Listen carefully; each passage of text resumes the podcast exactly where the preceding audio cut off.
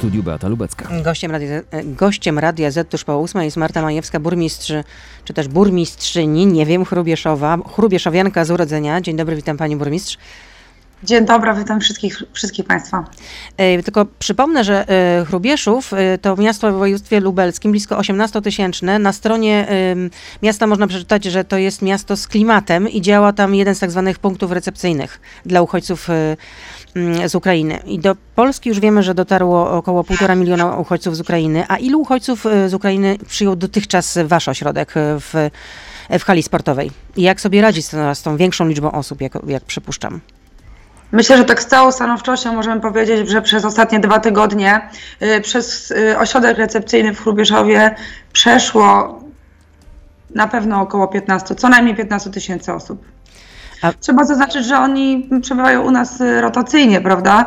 My mamy rozstawionych około 600 łóżek w różnych miejscach y, poza samą główną y, halą sportową, główną, głównym pomieszczeniem hali sportowej i te osoby rotacyjnie. Na pewno w granicach d- 1500, przejdą nawet do 2000 na dobę. Tak, tyle osób mamy na terenie ośrodka. A w jakim stanie są ci ludzie uciekający przed wojną, którzy docierają do Chrubieszowa? Bo mówią tak, mają 15 km z Zesina i 30 km z Dołchobyczowa. Tak, a oprócz tego y, na terenie Chrubieszowa, oprócz tego, że z tych dwóch granic docierają do nas y, uchodźcy, y, na terenie stacji ko- kolejowej PKP również zatrzymuje się pociąg osobowy, który jedzie z Lwowa do Olkusza, do Przemyśla, w zależności od trasy danego dnia czy nocy i w tym pociągu również przebywa około 2000 osób, z czego część kilkaset zawsze tutaj wysiada, prawda, i też do nas dociera, więc to mamy takie trzy źródła y, osób, które do nas, y, z których do nas do, docierają. Myślę, że po dwóch tygodniach my możemy te osoby y, powiedzieć o tych osobach ich odczuciach y, w różny sposób, bo mm, o ile na początku ludzie, którzy do nas przybywali i docierali, to były osoby, które jeszcze bezpośrednio nie zostały, y, nie były jakby nad, y, dotknięte tym, y, tymi działaniami wojennymi, więc ich przeżycia były nieco inne. Raczej skupiali się na tym, że dotarli na miejsce i co dalej. Natomiast w tej chwili sytuacja wygląda o wiele gorzej, ponieważ te osoby, które dotarły w ostatnim tygodniu, już choćby nawet jakby można było taką cezurę tutaj zastosować, to są y, czasową, to są, to są osoby, które już bardziej są e, straumatyzowane, matki i dzieci, bo to już ludzie, którzy dotarli do nas z bezpośrednich terenów y, objętych działaniami wojennymi, więc y, zachowania i opowieści i y, przekaz jest naprawdę inny, bardziej tragiczny. A czy część uchodźców zostaje w Chrubieszowie, czy, czy wszyscy jedą dalej? Jak to wygląda? Szanowni Państwo, sytuacja wygląda tak, że część osób, sporo osób z Chrubieszowa, mieszkańców właśnie przyjęła pod swój dach y, matki z dziećmi i osoby, które do nas dotarły. Natomiast y, co do zasady jesteśmy takim miejscem, y, przystankiem. My organizujemy też w tym ośrod w ośrodku recepcyjnym, w punkcie recepcyjnym właśnie przejazd tych osób dalej, w głąb Polski. Takie też jest nasze zadanie. Transport organizujemy autokarami, które dostarcza nam mm, Straż Straż Pożarna, ale nie tylko, bo korzystamy też z pomocy y, naszych przyjaciół samorządów zaprzyjaźnionych i niezaprzyjaźnionych. Przeciw- Przyjaciół poznaje się w biedzie. Tutaj też to powiedzenie bardzo się sprawdza. Na każdym kroku, w każdej minucie funkcjonowania. Więc y, przewozimy te osoby mm, do ok- określonych miejsc wskazanych nam przez wojewodów, gdzie te osoby znajdą już takie, taką trwałą y, opiekę na dłuższy okres czasu, oczywiście bezkosztowo. A sprawdzacie w jaki sposób na przykład osoby, mm, które oferują e, te- uchodźcom transport prywatny? Czy sprawdzacie te osoby? Bo rozumiem, że takie osoby też się pojawiają, że podjeżdżają po prostu prywatne osoby samochodami. Czy one są w jakiś sposób weryfikowane? Tak, od y, drugiego dnia funkcjonowania, od soboty 26 lutego wprowadziliśmy taki samoróbczy, przepraszam za określenie, y, system, w którym, y, który pracowaliśmy sobie właśnie na potrzebę chwili i właśnie dla bezpieczeństwa tych osób w takim sensie, żeby pozostał ślad, gdzie pojechały, z kim pojechały. Więc y, wolontariusze na tym punkcie recepcyjnym y, spisują kierowcę, który się do nas zgłosi. Legitymujemy z pomocą y, funkcjonariuszy policji oczywiście y, taką osobę. Wpisujemy konkretnie mm, miejsce docelowe i dane osób, które y, ten dany kierowca zabrał ze sobą. Bo rozumiem też, też że nie ma takiego profesjonalnego systemu przyjmowania uchodźców, tak? Takiej centralnej e, rejestracji.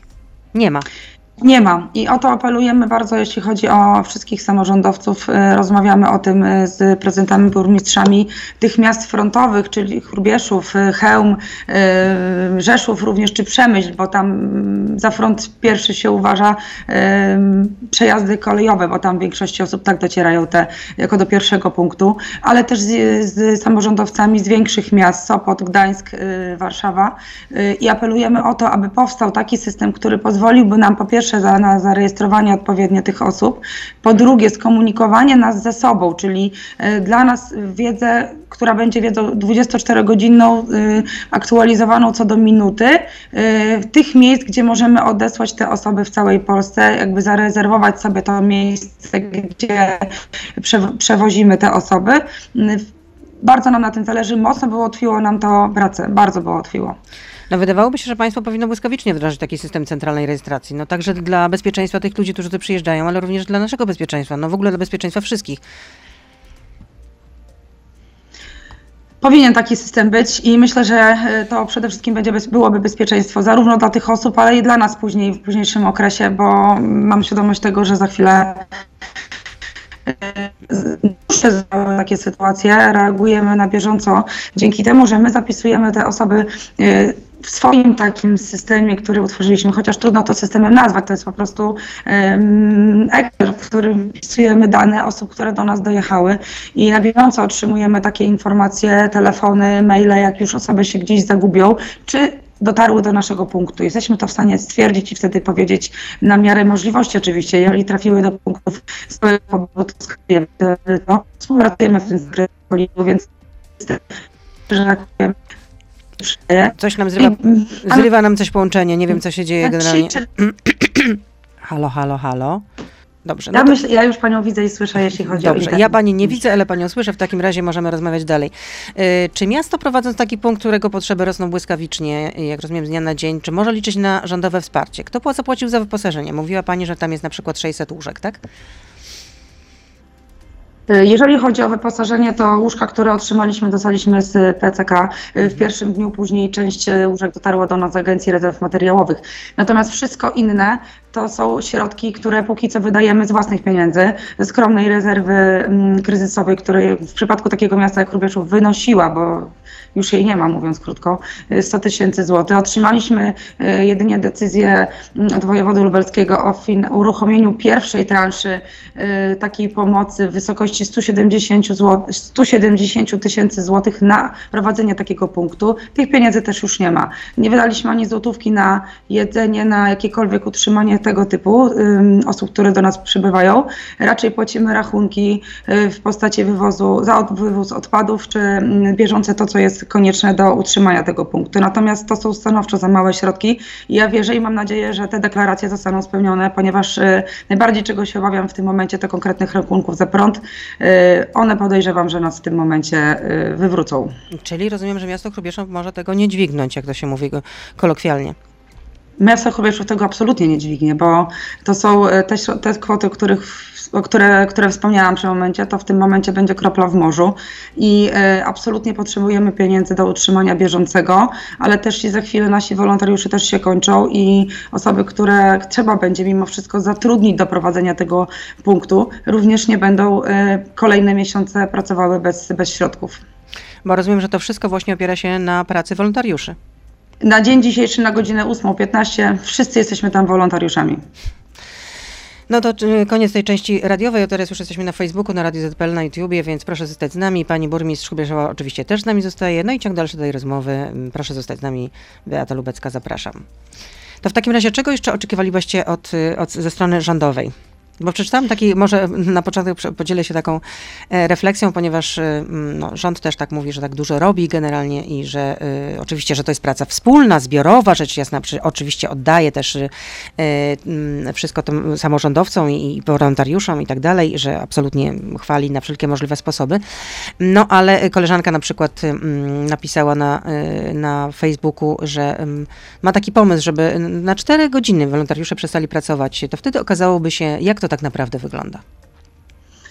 Ja bym jednak apelowała, żeby się tak nie stało, ponieważ będziemy mieli katastrofę humanitarną wówczas. E, w moim przypadku na Chrubieszowskim Ośrodku Sportu i Rekreacji, ale też nie mogę zapominać o ludziach, wolontariuszach, którzy e, są codziennie i właściwie całą dobę na przejściach granicznych i właśnie przy tych pociągach to również e, praca wolontariuszy.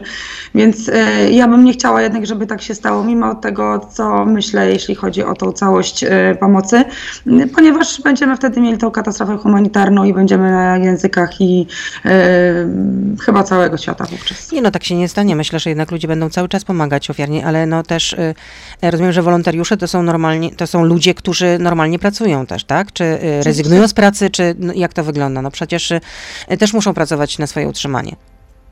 Oczywiście, że tak, to są większość osób, którzy, które pracują w różnych miejscach. Ludzie niekiedy brali wolne, biorą wolne i też do nas przyjeżdżają, zwłaszcza tak w pierwszych tygodniach i zwłaszcza e, wolontariusze z Polski. Ale to są, e, to są tak zwane urzędasy w naszym potocznym e, pojęciu różnych instytucji, ludzie prowadzący działalność gospodarczą, ale też ludzie niepracujący, ale przede wszystkim chcący pomóc. Oni są 24 godziny na dobę, rezygnują z własnych obowiązków, rezygnują z, odkładają na bok swojej rodziny, czas, który mogliby tam poświęcić i po prostu są na Hosirze, są na przejściach granicznych i są w, y, przy pociągach, które przyjeżdżają odkładając wszystko inne, co jest w tym momencie dla nich ważne, dla ich rodzin i ich czasu. Są po prostu tam.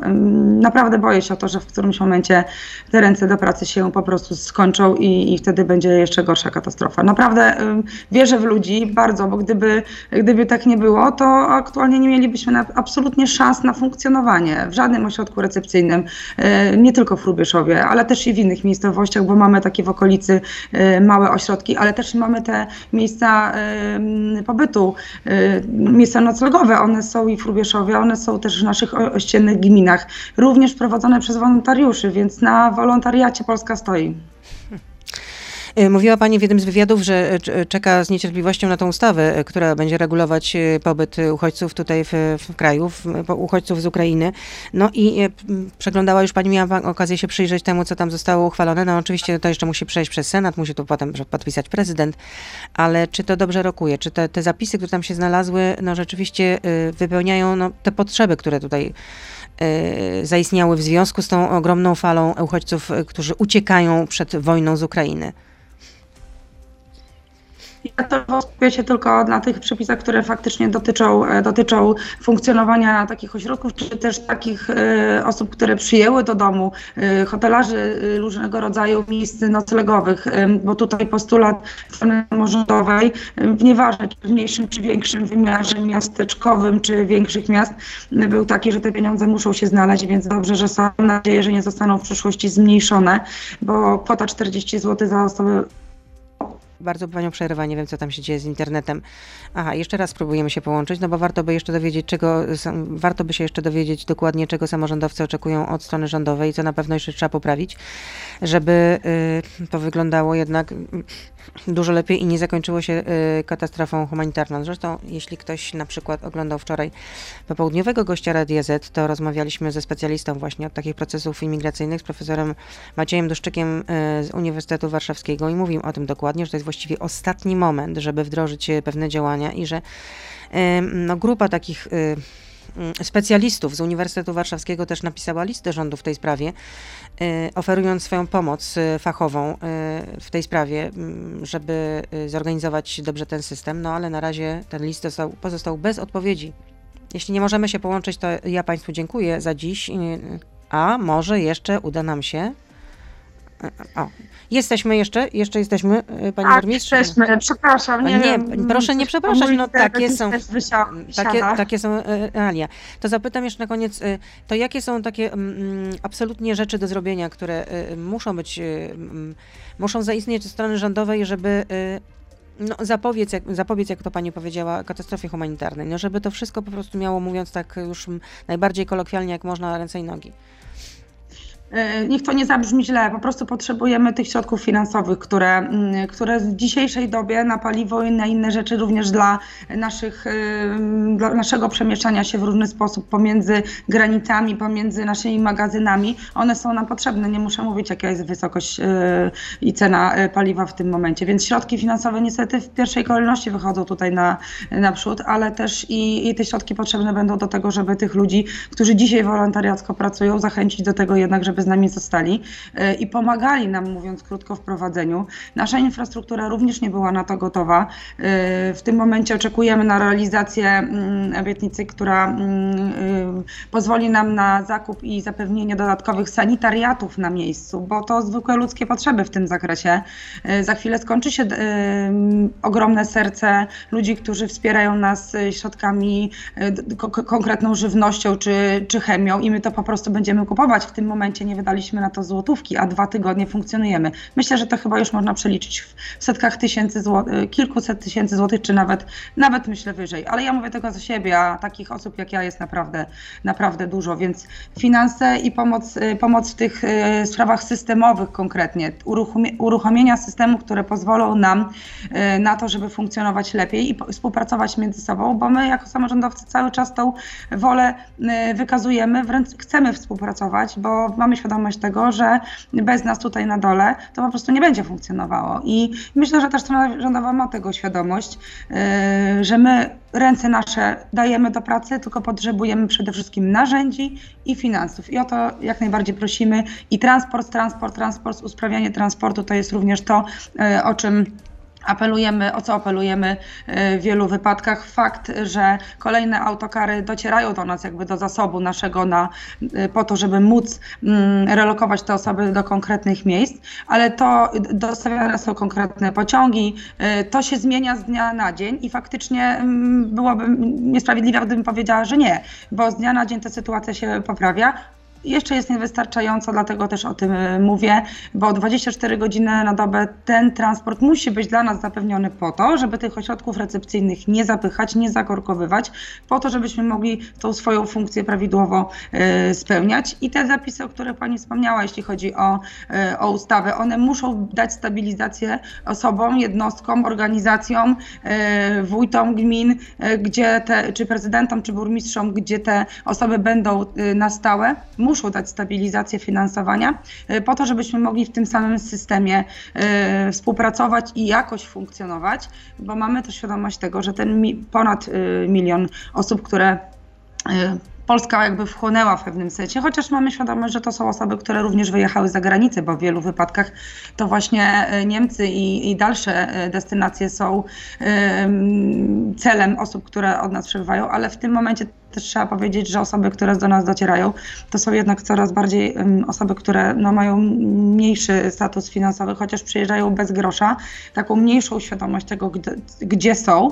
E, być może to też spowodowane traumą, e, ale ta stabilizacja jest nam niezbędna, konieczna i potrzebna wszystkim, więc e, o to również apeluję i o tą współpracę w tym zakresie. Czyli rozumiem, że wolontariusze też powinni być, zacząć powinni być opłacani, tak, przez państwo za swoją pracę, żeby chcieli, żeby chcieli cały czas pracować, żeby mogli sobie na to też pozwolić.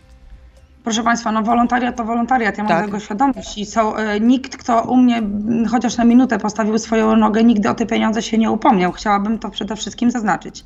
Natomiast y, musi być trzon y, takiego, takiego ośrodka, który będzie odpowiadał za to, co tam się dzieje, mówiąc krótko. Mm, to daje stabilizację w takim sensie, że ta zmianowość w odpowiedni sposób przebiega, a, na, a wolontariusze z nami współpracują i nam pomagają i nam wspierają. Niektórzy pewnie oburzą się, y, że ja mówię o tym w kontekście środków finansowych, ale nie może wszystko na wolontariacie się opierać, bo wolontariusz daje tyle siły, siły ile ma, tyle czasu, ile ma, tyle pieniędzy, ile ma, a w końcu się skończy. To co jednak y, żyjemy w trudnych czasach, więc stabilizacja y, w postaci osób, które będą tym zarządzały, kierowały w różnych odcinkach, musi być. Ale skąd te osoby wziąć? Mam nadzieję, że zostałam dobrze zrozumiana. A skąd te osoby wziąć? Proszę Państwa, no my mamy w Hrubieszowie dość spore bezrobocie, więc ja myślę, że w tym zakresie y, będziemy potrafili znaleźć osoby, które będą takim trzonem i będą współpracowały z, y, ze sobą i będą po prostu pracowały na miejscu. Nie mówię nawet o samym, y, o samym Hrubieszowie, ale też i o okolicznych miejscowościach. I, y, myślę, że z tym sobie poradzimy. Tylko na to potrzebujemy środków. Bo Powiedziała- nie skończy się przecież ani dzisiaj, ani jutro. Mamy tego wszyscy świadomość. Oczywiście, że tak. A mówiła Pani, że brakuje sanitariatów. To jak to wygląda właśnie w tej hali sportowej? Tak jak wspomniałam, infrastruktura zupełnie nie była przygotowana. Y, Mamy tylko kilka toalet i kilka prysznicy, z którego na, w normalnych okolicznościach korzystali sportowcy z klubów sportowych, które tutaj w Rubieszowie dzia, y, działają. W tym momencie mamy obietnicę zakupu ze, środków spółek Skarbu Państwa, takich sanitariatów, które będziemy mogli dostawić jakby do, mm, do budynku Hosiru yy, i to pozwoli nam się wpiąć od razu w kanalizację, więc troszeczkę poprawi ten mm, komfort. yy, w tym zakresie, więc na to czekam. Myślę, że to już lada chwilę nastąpi, bo każdy dzień jest ważny. Mm, No tak to właśnie wygląda. A nie przydałby się jeszcze jeden tak, taki punkt recepcyjny? E, W tym momencie, tej nocy dosłownie, dosłownie dostawialiśmy kolejne namioty nagrzewane e, tuż za, tuż za e, halą sportową, którą, które otrzymaliśmy z, z Państwowej Straży Pożarnej. Kolejnych sześć namiotów, które mają już rozłożone łóżka. Jeżeli fala osób do nas napłynie większa, pozwoli nam to w tym momencie od razu zareagować. Na to się po prostu właśnie szykujemy. Kolejne punkty recepcyjne też powstają w innych miejscowościach okolicznych. Myślę, że jeżeli sytuacja będzie przebiegała tak jak w ten sposób, będziemy zobowiązani i będzie to konieczne, że na, na terenie samego Chrubieszowa kolejny punkt recepcyjny będzie musiał powstać. To na koniec zapytam, ile Pani sypie na dobę teraz ostatnio? Niewiele. Bardzo niewiele. Wysta- wystarczająco. No to życzę w takim razie dużo siły. y, y, Trzymam kciuki. y, No i miejmy nadzieję, że te Wasze e, postulaty zostaną, że tak powiem, wypełnione, bo to jest teraz bardzo potrzebne. Marta Majewska, burmistrz Chrubieszowa była z nami. Kłaniam Dziękuję się. bardzo. Dziękuję. Wszystkim dziękuję serdecznie, jeśli mogę. To był gość Radia Z. Słuchaj codziennie w Radio Z i na player radioz.pl.